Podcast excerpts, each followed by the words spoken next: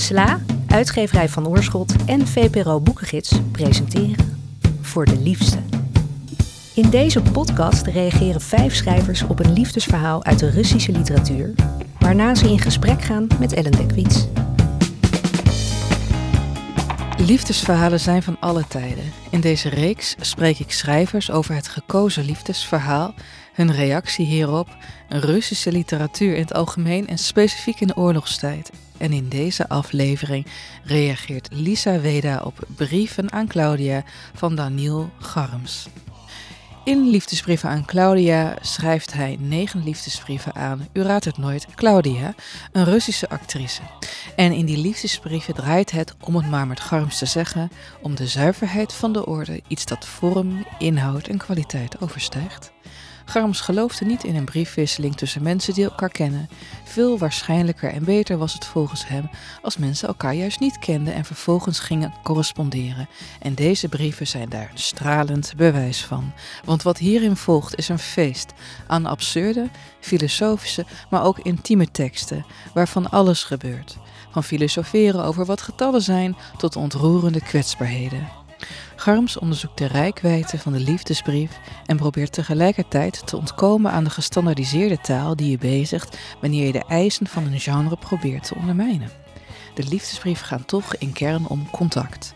Via taal, ondanks taal, door het slalomen langs gemeenplaatsen en verwachtingen heen, om zo uiteindelijk zelf te worden binnengelaten in, al dus Garms, het eigen hart.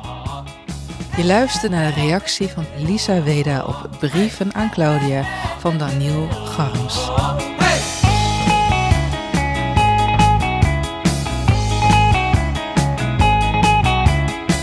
1. Teder. Liefste Daniel Garms, dit deel van de brief moet teder worden. Dat is makkelijk hoor, geen probleem. Mijn verhouding tot jouw verhaal, waarin een man de hele tijd van zijn postament valt, midden op de trambaan, draag ik al sinds mijn negende bij me. Sinds mijn vader het me voorlas op zomer, herfst en winteravonden. En ik herhaaldelijk tegen hem zei: Lees het nog een keer. Het is te kort om maar één keer voor te lezen. Daniel. Mijn vader las en las en las over de man die van zijn postament viel. Net zolang tot mensen hem niet meer overeind hielpen op de trambaan, maar hem gewoon verplaatsten zodat de tram verder kon rijden en hij kon blijven omvallen.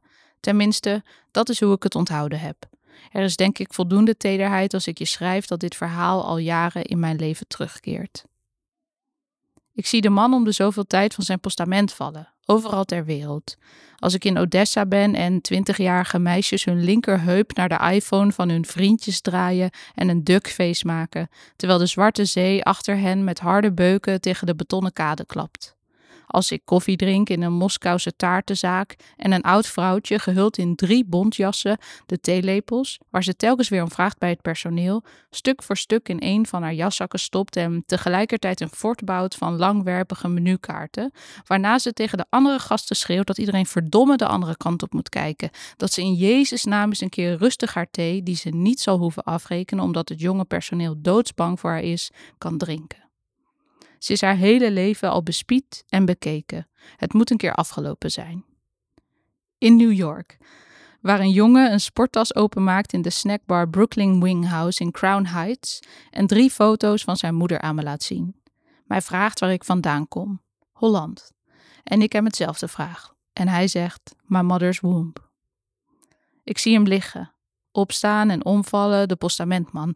Hij ligt en staat op en valt om op de glimmende boulevard van Odessa, net nieuw zwart steen dat alle hitte aantrekt en prachtig schittert. Op een bloedhete zomerdag tussen de duckfacende meisjes en de jongens die de camera van hun iPhone steeds een beetje draaien tegen het zonlicht. Ik zie hem liggen onder de houten stoel van de vrouw in de drie bontjassen. Hij houdt haar kuiten vast. Ze heeft drie paar hoge sokken over elkaar aan. Het is min 20 buiten. Het sneeuwt. Het waait zo hard dat je gezicht er bijna afvriest. Er ligt 60 centimeter sneeuw. Er hangen meterslange ijspegels aan dakgoten en de stoep is een ijsbaan. Roze, lichtblauwe en zwarte sokken. Hij heeft zijn handen om de zwarte sokken geklemd en de roze sokken iets naar beneden geschoven. Ze steekt nog een theelepel in haar zak. Het personeel staat achter de counter tegen elkaar te fluisteren. We moeten echt zeggen dat de lepeltjes op zijn, anders houden we niks over voor als ze volgende week weer komt. Ik zie hem met zijn hoofd in de sporttas vallen. Hoor hem kreunen tussen de stapels kleren die in de tas zitten. opstaan, naar de reclames voor fried chicken kijken en zijn evenwicht verliezen. Ik koester eindeloos tedere gevoelens jegens de man die van zijn postament valt, Daniel Garms. Laat ik nu tot het tweede deel overgaan. 2. Speels. Wat is het simpel om na het tedere deel het speelse deel te schrijven? Ik onthoud me van mooie frasen met lange volzinnen en ik roep uit: Oh, wat denk ik vaak aan de man die van zijn postament valt, Daniel Garms. Mogen God me bijstaan om de volgende zin tot een goed einde te brengen en niet halverwege te blijven steken. Ik sla een kruis en begin. Lieve Danu Garms, ik ben blij dat je eind jaren 30 een man liet vallen en opstaan en weer vallen en opstaan tot iedereen en zijn moeder er doodmoe van werd. Korter. Echt iedereen was er moe van. Nog korter. Iedereen was moe. Ik ben eruit. En jij draaide je weg van de postamentman en ging naar de Madchefmarkt, waar een blinde man een sjaal van iemand had gekregen. Laten we het er verder niet meer over hebben. 3. Zoals het hoort, zakelijk. Lieve Daniel Garms, schrijf me zo snel mogelijk over hoe het nu gaat met de man die van zijn postament valt. Ik verlang zeer naar hem. Het is vreselijk te bedenken dat een mens geleidelijk aan alles wendt, of beter gezegd, vergeet waar hij ooit naar hunkerde, zoals ik er naar hunker de van zijn postament vallende man voor altijd overal tegen te komen. Ik geloof niet in een briefwisseling tussen mensen die elkaar kennen. Veel waarschijnlijker en beter is het als mensen die elkaar niet kennen elkaar schrijven. Schrijf me niet over de man die van zijn postament valt. Als je me van tijd tot tijd een stuk papier toestuurt met je naam erop, zal ik je zeer dankbaar zijn. Maar als je me een brief stuurt, zal ik ook uitermate geroerd zijn. Ach, het leven, Daniel. Het leven is me toch duur geworden? Prij kost geen 60 cent meer, maar 80 cent. Of zelfs een euro.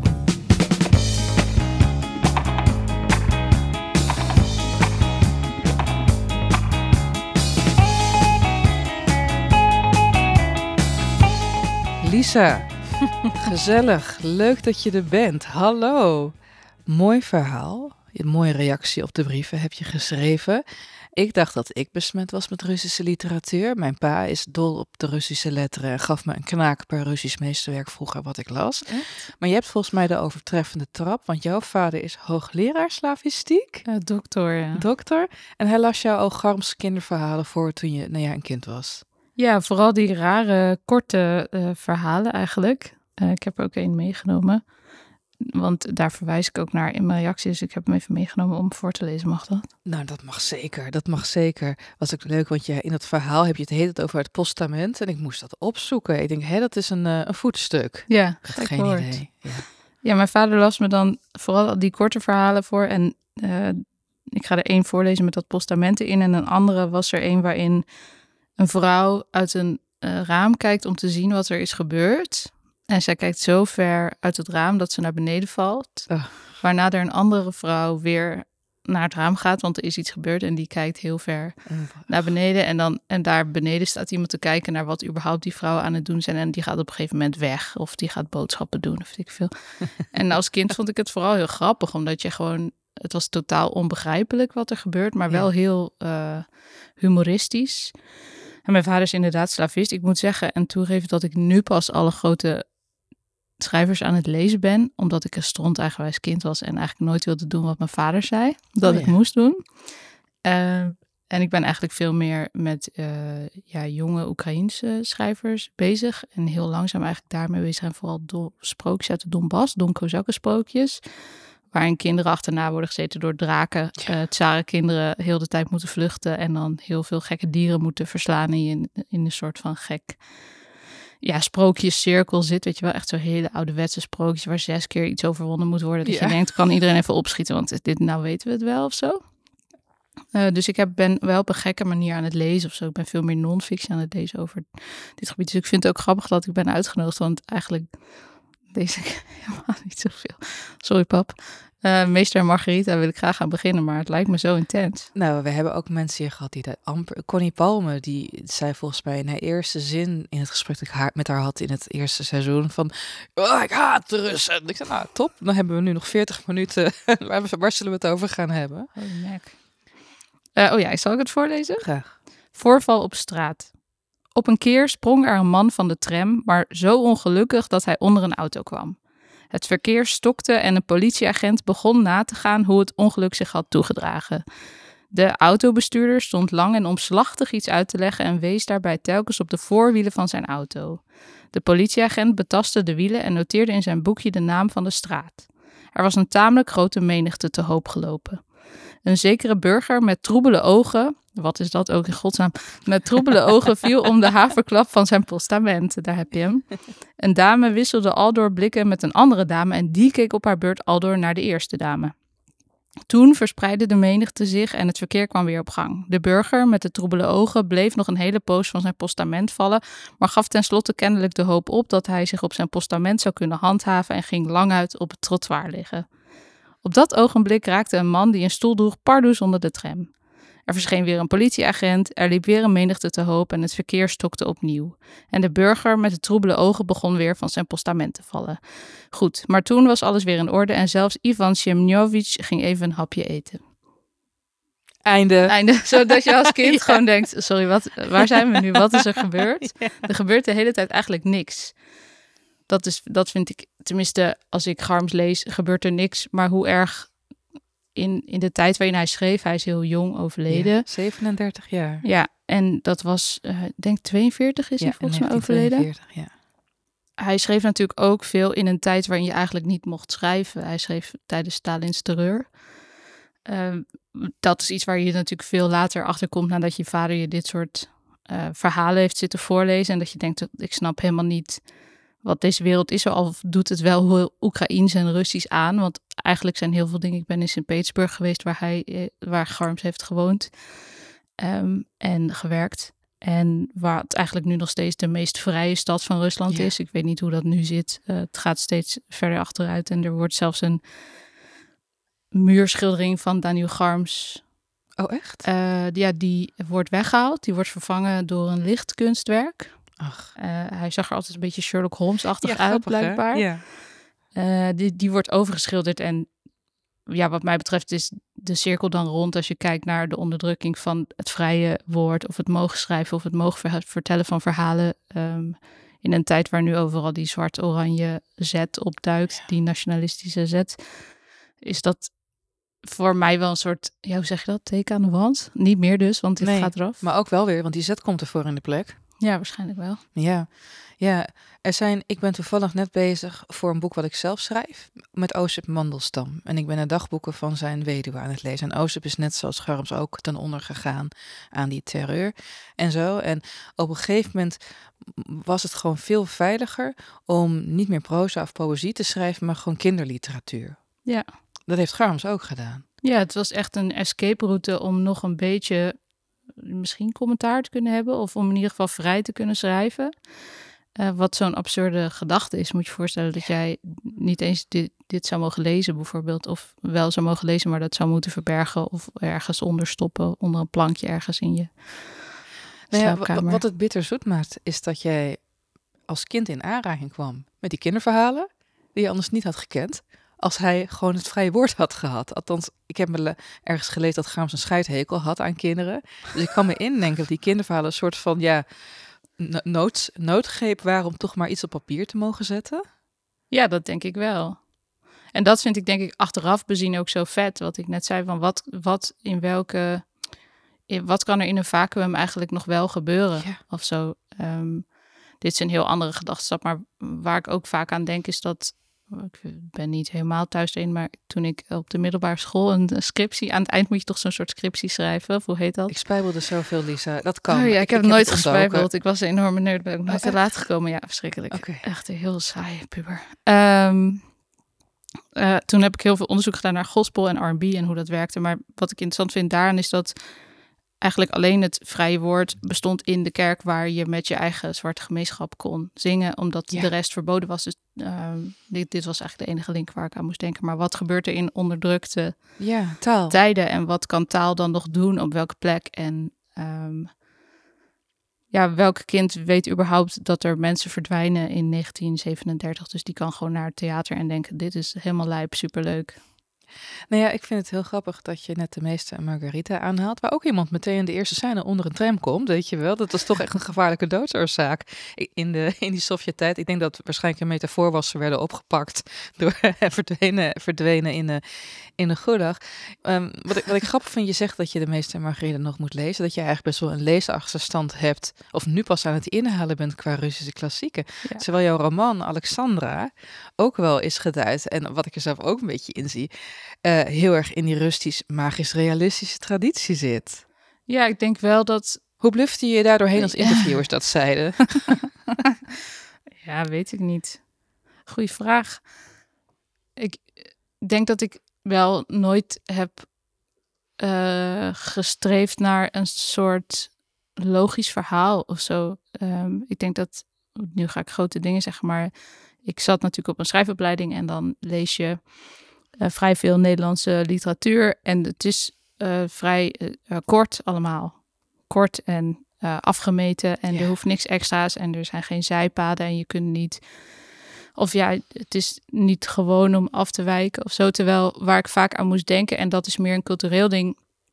Als je een Oekraïner iets vraagt, jij bent ook in Oekraïne ja. geweest dan krijg je nooit een antwoord. Je krijgt ja. nooit een antwoord. Je krijgt nooit, terwijl in Nederland zegt gewoon wat wil je doen, dit gaan we doen. En als je een Oekraïner vraagt wat wil je doen, dan zegt hij bijvoorbeeld ook zoals de verhalen van Shishkin, bijvoorbeeld het boek uh, met kort verhalen calligrafieles. Dan ja, ja, vertelt hij dat hij zijn moeder op sterven ligt, maar eigenlijk is dat zo'n een tiende van het verhaal. En voor de rest is hij allerlei andere dingen aan het doen in het leven. En dan denk je, waar gaat die man godsnaam naartoe? Waar neemt hij me?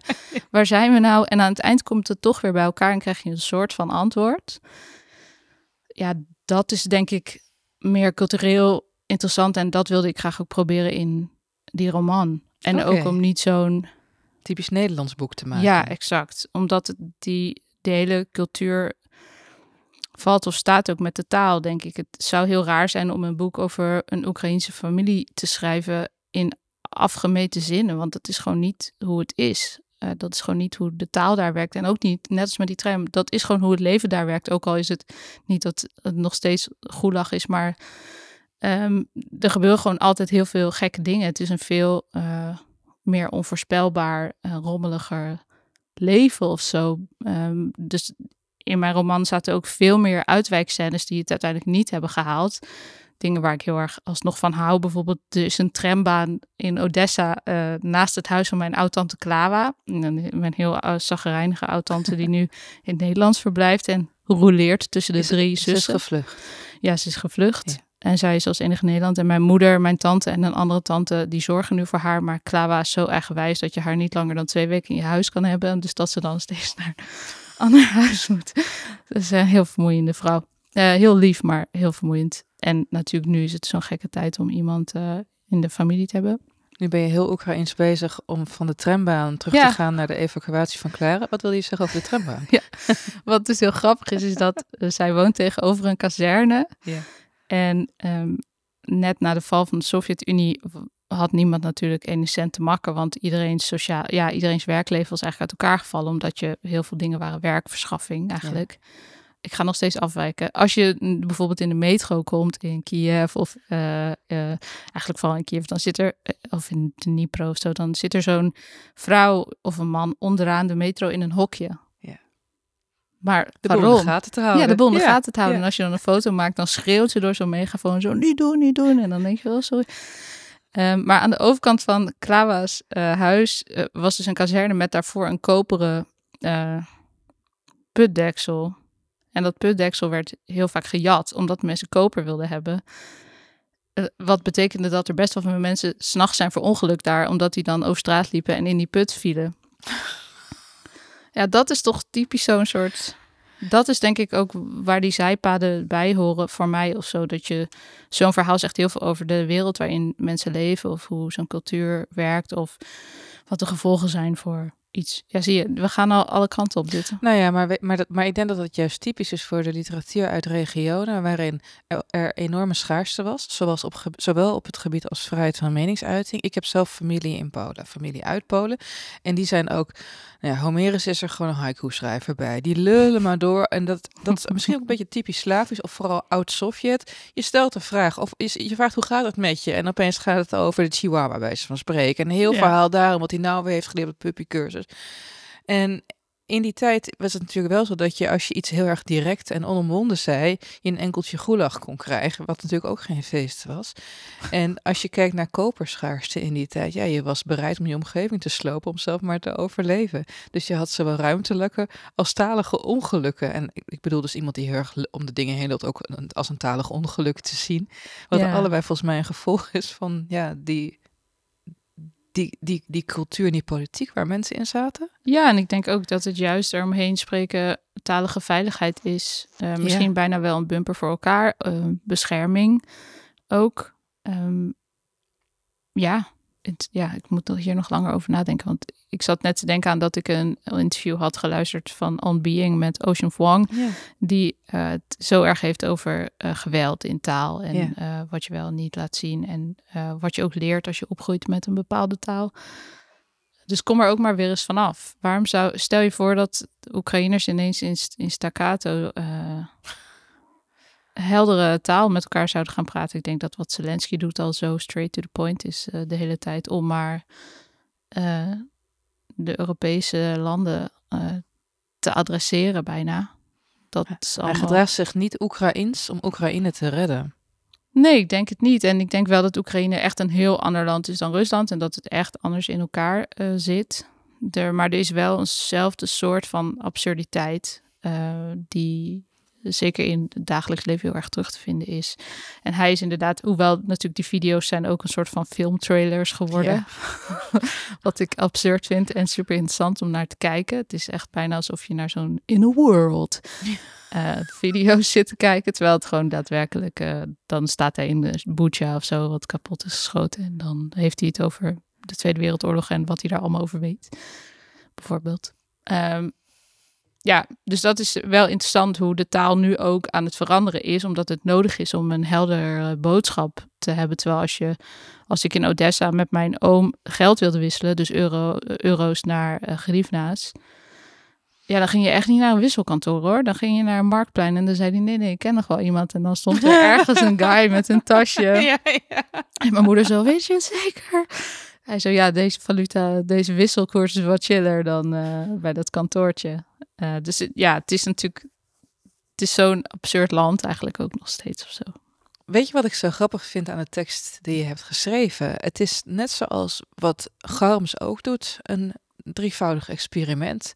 Je schrijft eigenlijk drie keer over dezelfde aanleiding, over het korte verhaal over de man die van zijn postament valt, wat je vader je vertelt. Mhm. Mm -hmm. En tegelijkertijd, wat ik heel knap vind eraan, is dat het zowel oefenen is als meegaan in de eisen die je aan jezelf aan het begin van deze tekst stelt. Dus je hebt een kopje met uh, teder, je hebt een kopje met speels en met zakelijk, net zoals met Garms.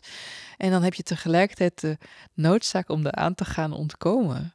Ja. Hoe lang heb je hierover gedaan? Was het zwaar schrijven of was het, heb je dit echt gewoon vijf minuten? Nee, ik heb er wel een beetje aan gesleuteld, maar niet heel lang uh, over gedaan. En uh, eigenlijk, ik werd gevraagd om uh, het boekje met die liefdesverhalen iets uit te kiezen ja. van Van Oorschot. En dat, toen zei ik nee. En waarom zei je nee? Omdat ik dacht, nee, nee man. Okay. Ik wil graag Garms. Want ik had dit boekje, ik heb dus ooit van mijn vader het boekje Brieven aan Claudia cadeau gekregen voor mijn verjaardag. Ja, het is bibliofiel. We hebben echt vanuit de sla hemel en aarde bewogen om dit boekje ook te krijgen. Ja. Uh, ja, dus het is moeilijk te verkrijgen. Ook dat is uh, jammer, maar Het is leuk. wel zo, beste luisteraar, als je nu denkt van... oh, wat gaaf, ik ben hier benieuwd naar. Van Oorschot heeft het verzameld werk van Garms uitgegeven... waar blijkbaar deze brieven ook in zitten. Oh, te gek, ja. En Ja. dat is ja, sowieso wat Van Oorschot doet, is heel vet. Als het heel gaat. Mee eens. Um, en ja, ik heb dit van mijn vader gekregen en meermaals gelezen. Het was een verjaardagscadeau. En het is zo leuk dat Daniel alleen aan haar schrijft, maar dat hij ook tegelijkertijd inderdaad, zoals je in het begin zegt, vormexperimenten aan het doen en filosoferen. En eigenlijk de totale gekheid blijven toevoegen aan zo'n liefdesbrief. En uh, in alles alsnog onvoorspelbaar maken ook. Ik denk dat ik dat interessant vind aan wat hij doet. Je weet gewoon nooit wat er gaat gebeuren. Ja. En om eerlijk te zijn heb ik gewoon zijn eerste brief gekopieerd en her, op mijn eigen manier herschreven. Dus uh, zoals je zei, het bestaat uit drie delen. Teder, speels en zoals het hoort zakelijk. Wat echt te gek is, want hoe in godsnaam kan je zo nadenken over een liefdesbrief? Uh, en toen ben ik dat zelf deels zinnen ook gaan overnemen. Dus sommige zinnen zijn leidend in zowel uh, het, deze uitgave als in wat ik zelf heb geschreven. Er is niet echt een titel. Het is niet per se aan, aan iemand gericht, behalve aan Garm zelf. Ja, dat vond ik heel grappig. Want je had, je had het net zo goed aan een eigen geliefde of aan een gedroomde geliefde kunnen richten. waarom heb je het aan Garms gericht? Of was het gewoon luiheid? Nee, het was denk ik plezier ook. Ja? Omdat, om het weer rond te krijgen of zo. Uh, als een soort, ja, ik vond dat eigenlijk gewoon heel, heel leuk om, aan hem te schrijven. Ja, wat hou je allemaal op de hals als je dan nog aan een geliefde gaat schrijven? Want dan ergens raakt het dan ook niet meer voor mij dan, hè? dus dat is totaal persoonlijk, niet meer die wereld waar hij ook in creëert of zo. Het was fijn om aan hem te kunnen schrijven. Uh, zeker omdat ik al zo lang fan ben. Hoe moeilijk was het om toch jezelf te blijven als schrijver in het schrijven naar aanleiding van een brief van Garms, in de stijl eigenlijk van Garms? Ja, het viel wel mee volgens mij. Maar nu, ja, ja, goede vraag, Ellen. Ik zou het niet weten. Het is gewoon zo gebeurd, joh. Het overkwam je. Het overkwam je gewoon. ja. Hoe weet het ook weer? Divine intervention? Nee, dat zeker niet. Uh, wel puzzelen vooral. Maar wat ik leuk vond, is de uitdaging om in het eerste deel zo min mogelijk uh, uh, onderbrekingen of geen zo min mogelijk punten, lange zinnen, lang nadenken en vervolgens het op een andere manier aan te pakken, zoals hij deels ook doet. Um, en totaal weer de weg kwijtraken. Dat was een fijne lijn uh, om te gebruiken en te kijken hoe. Bijvoorbeeld op een gegeven moment schrijft hij uh, in het deel speels. Mogen God me bijstaan om de volgende zin tot een goed einde te brengen en niet halverwege te blijven steken. Ik sla dus een kruisje en begin. Lieve Claudia Vasilievna, ik ben blij dat u naar Moskou bent vertrokken, want was u hier gebleven? korter. Tussen haken staat dat zo schreeuwend met een uitroepteken. Ja. Dan zou ik binnen de kortste keren vergeten hebben, nog korter. Ik zou op u verliefd geworden zijn en alles om me heen vergeten hebben. Ik ben eruit tussen haken. Nou, een soort van, ja. wat, is, wat gebeurt hier in godsnaam in de tekst? Het is totaal onduidelijk. En, en toen ik het ook voor het eerst la las, dacht ik, maar dit zijn helemaal geen liefdesbrieven. Wat is dit voor rare exercitie?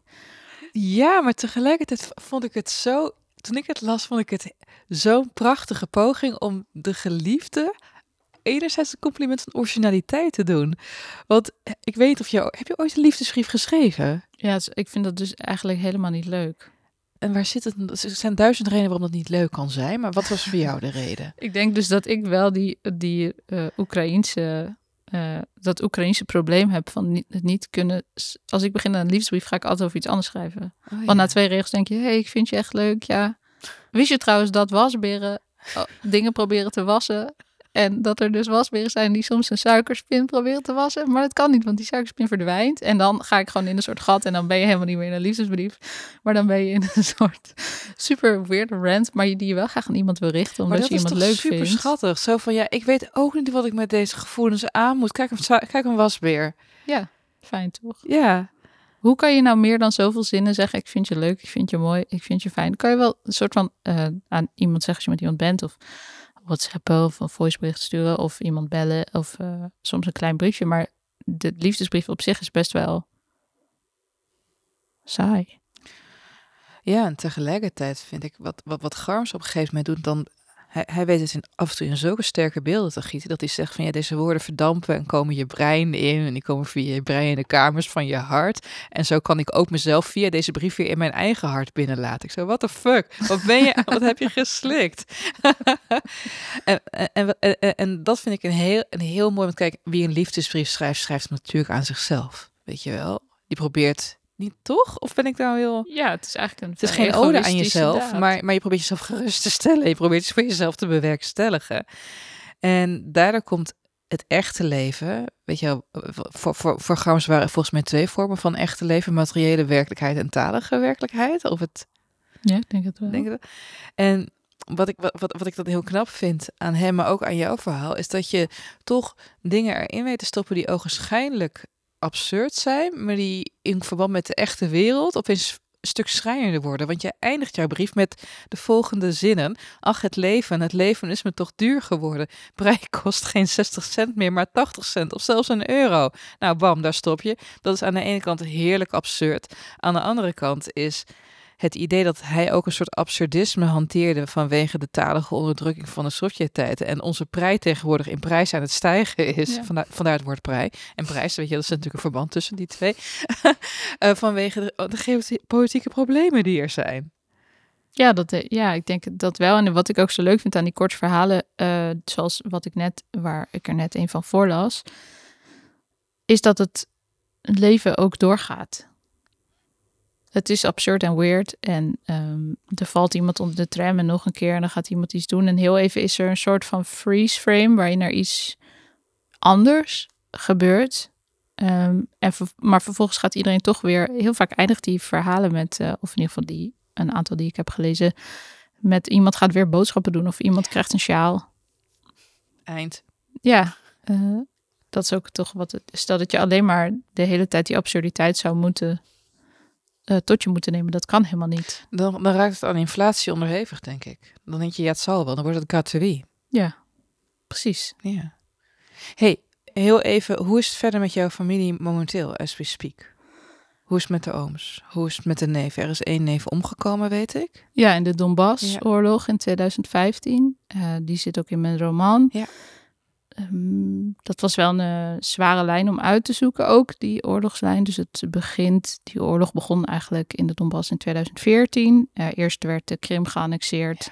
En daarna eh, was er al snel ineens twee republieken die graag eh, ja, een soort separatistische staat wilden ehm, uitroepen. Ik las dat Syrië inmiddels deze Ja, twee republieken heeft heeft, erkend. Terwijl Ja. Syrië helemaal kapot is gebombardeerd door Rusland. Rusland, dus het is zo'n absurde cirkel waar we in zitten.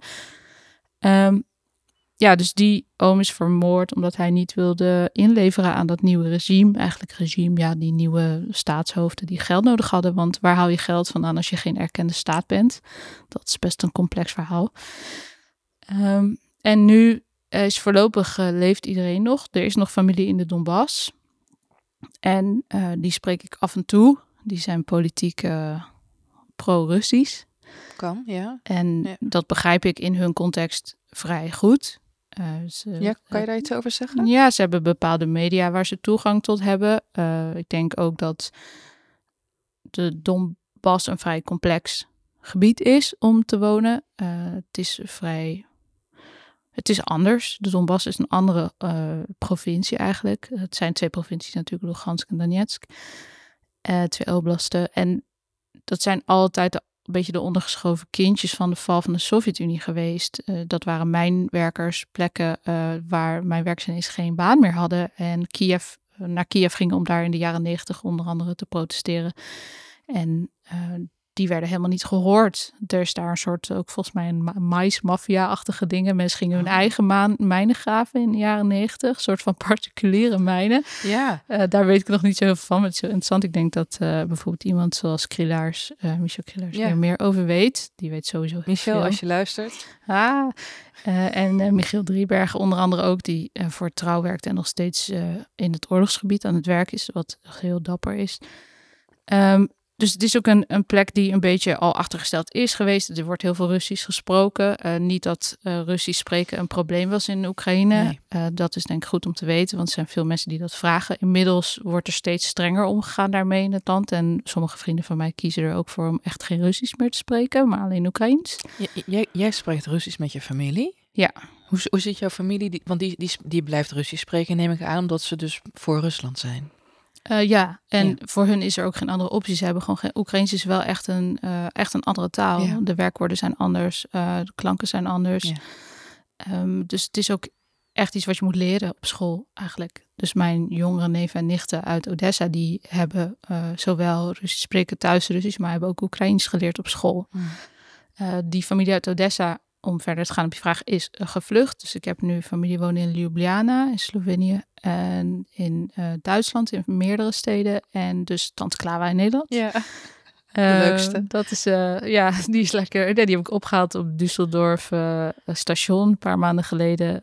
En er was eigenlijk niks anders. Dat was heel interessant. We zaten gewoon nog steeds in de trein tomaten te eten en heel veel boterhammen. En ze had zo'n theekan bij zich met een extra kopje voor mij. Ja. Echt heel lief. Ach. En ze was in een soort panterprint outfit. Dus het was amazing. Ze was ook echt heel erg zichzelf of zo. Dus dat is wel gek. En ik ben wel benieuwd wat de tijd doet met haar natuurlijk. Eh, want je zit nog in een soort adrenaline vibe met z'n allen. Eh, en we hebben familie in het noorden van Rusland. eh, in Moermansk, in de buurt van Finland. En we hebben familie in Kazachstan. En die zijn allemaal anders geïnformeerd over wat er Ja, nu aan de jezus, hand maar is. Vooral Kazachstan. Die zullen ook helemaal gerussificeerd zijn natuurlijk. Nou, Qua- dus dat is wel interessant, want Ja. de Russische familie eh, die zeggen we doen niet aan politiek. Een punt. Oké. Ehm, dus dat is interessant. Mijn moeder is 26 februari jarig. 24 februari Was de invasie. Ja. En mijn moeder werd gebeld door een nicht uit, eh, uit Rusland. En die zei, nou, gefeliciteerd met je verjaardag. Hoe gaat het? En mijn moeder, nou, niet zo heel goed, want het is oorlog. En het enige wat de, die nicht zei was, we praten niet over politiek. Wow. En mijn moeder zei, oké, nou, dankjewel voor de felicitatie, maar dan hang ik nu wel op, want ik weet niet zo goed wat ik moet zeggen.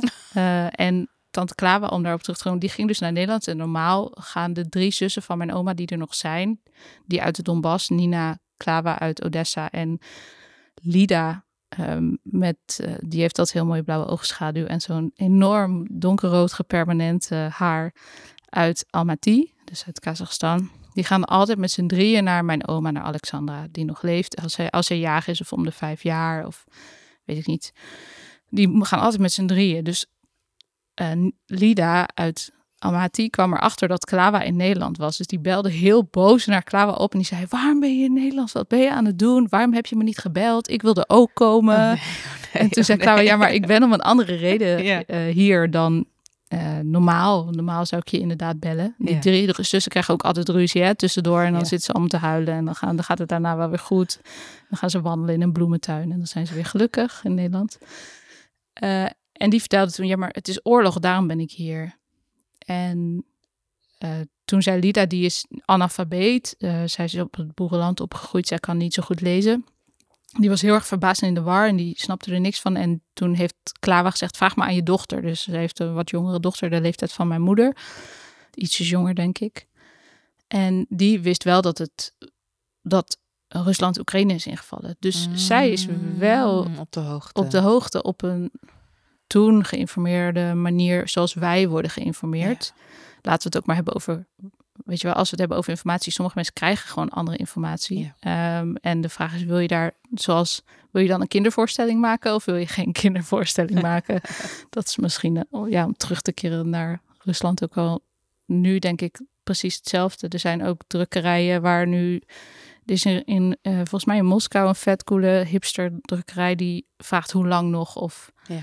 En daar het gewoon witte posters met grote letters en die overal in de stad ophangt. Waar je niet precies van kan weten wat ze nou bedoelen. Maar je weet als je weet het is oorlog en Rusland is Oekraïne aan het binnenvallen en eh, stuk maken eigenlijk. Gewoon compleet ruïneren. Eh, dan is het heel interessant dat er wel degelijk bewegingen zijn die heel goed laten zien dat er iets aan de hand is. En mensen weten dat natuurlijk sowieso. Het is altijd heftig als je wordt gedwongen tot witregels.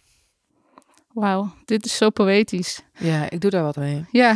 Hey, heel even terug, want je, je noemde net even de ster van je roman, Alexandra. Mhm. Even, even, want dat willen we allemaal weten. Hoe is het met haar momenteel?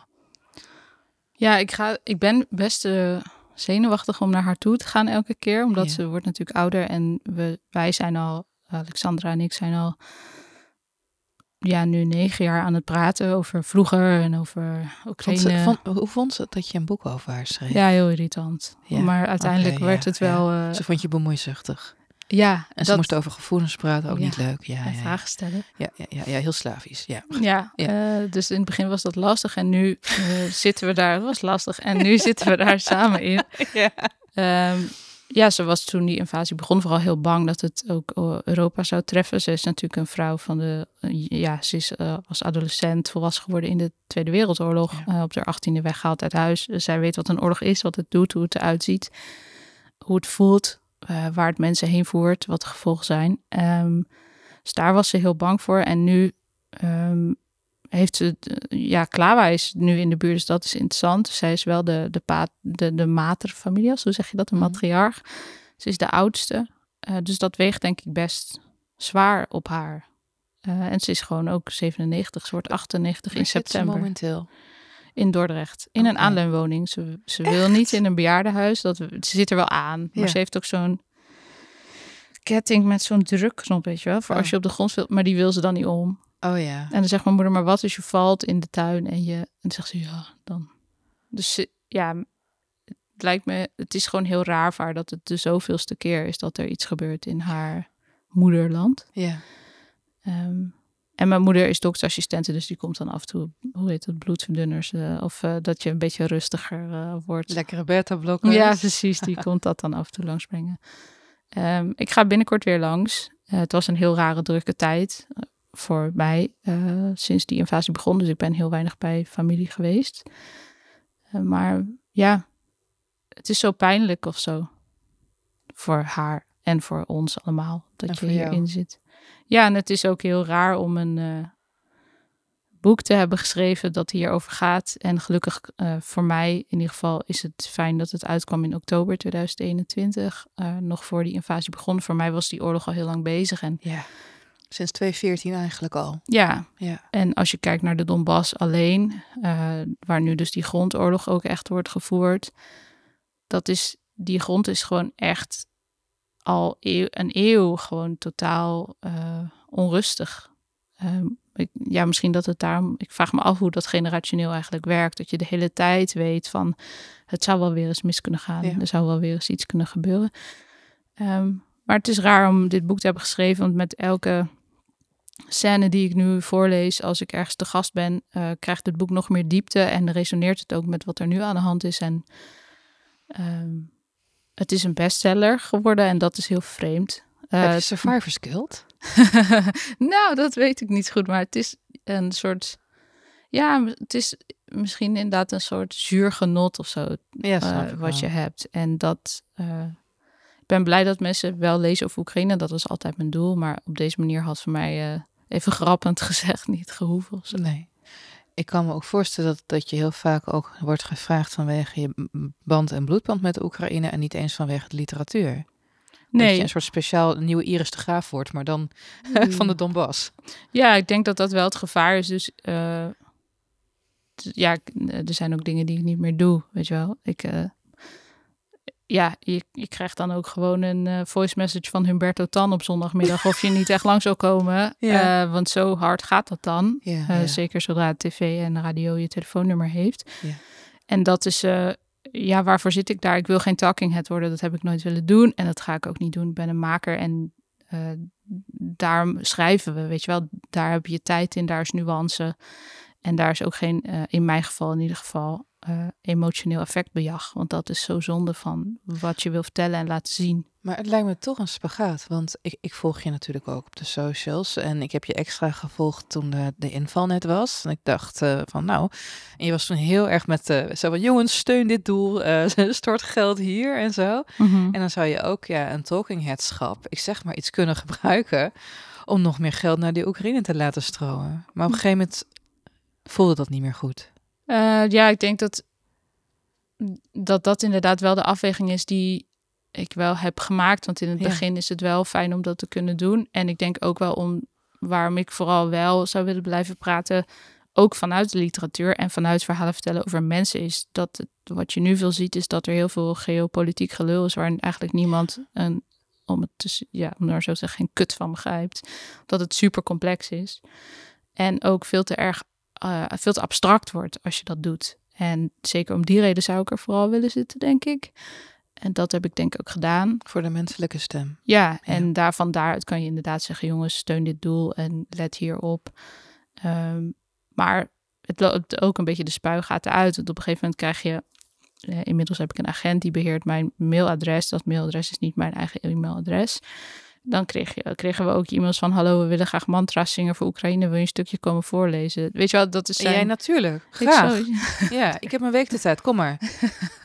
Dus het is eh, eh, ook gek hoe het voor de buitenwereld werkt. Hoeveel Ja. tijd je hebt en hoeveel energie je hebt. En hoe schrijverschap werkt. Want schrijverschap kost tijd en denken en ruimte en eh, rust. En je bent ook nog even je achterstand in de Russische literatuur aan het eh, bijwerken. Ja, dus ik heb zo, weet je, Hermeline heeft zo'n runneklok toch? Ja. In eh, Harry Potter waar je terug kan in de tijd, zodat je meer Ja, uren hebt. ja, ik zoek nog iemand die misschien dit aan me kan verkopen. Tot slot, welke Russische klassieken heb je op je leesplankje van? Waar ga je jezelf eh, in onderdompelen? Tolstoy. Welke van Tolstoy trouwens? Ah, ja, oh, dit is, eh, Suzanne, eh, mijn redacteur, raadde me altijd eh, iets, een boek over zijn jeugd aan. En daar heb ik een stuk Ja. van gelezen. Ja, Om te kijken hoe hij dat doet in vorm. ja, Hoe hij in, van de ene in de andere scène glipt. en die zou ik graag willen lezen. En ehm eh Dostoevsky, die, ah, er zijn meerdere titels voor dat boek. Boze geesten of zo, geloof ja. ik.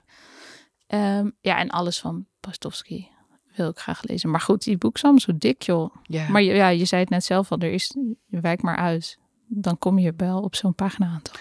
Ja, en misschien ook, weet je, ze, ze schreven volgens mij, want ja, je had nog niet, je had ook natuurlijk censuur al in de tijd van Tolstoy en Dostoevsky, weet je wel, dat was dan vanuit het tsaren. Maar ja, ze hadden ook de luxe, ze konden in een feuilleton schrijven, elke week een afleveringetje, weet je wel. En ja, je wilde geld blijven verdienen, dus dan rekte je dat verhaal ook, want dan was je verzekerd van een publicatie elke week. ja, dat is wel slim eigenlijk. Het is altijd schaars, is het niet van geld, dan wel van het vrije woord. Wat verdrietige conclusies trekken we de hele tijd. Wat goed is trouwens. Ja, maar ik denk dat de wereld niet, ja, is dat goed, de verdrietige conclusie? Ja, ik hoop wel dat het op een gegeven moment niet meer verdrietig hoeft te zijn. Maar ik denk wel dat het. Wat ik dus zei, weet je, we kunnen wel cheerful gaan doen. Maar het is best complex als je kijkt naar de geschiedenis van de, de Russische literatuur, denk ik. Nou ja, en, en de geschiedenis van Rusland en Oekraïne, Mhm. die daar als een soort van kwikzilverbolletje in en uit eh, dat grote metalen geheel aan het rollen is in de loop der wereldgeschiedenis. Weet je, misschien moet het gewoon ophouden dat het gewoon verdrietig is. Maar dat we eens moeten gaan kijken en wat voor tinten dat verdriet komt. Ja, en daarom ook heel veel lezen Ja, en niet veel twitteren. jongens, stop met twitteren. Lisa, dankjewel. Alsjeblieft.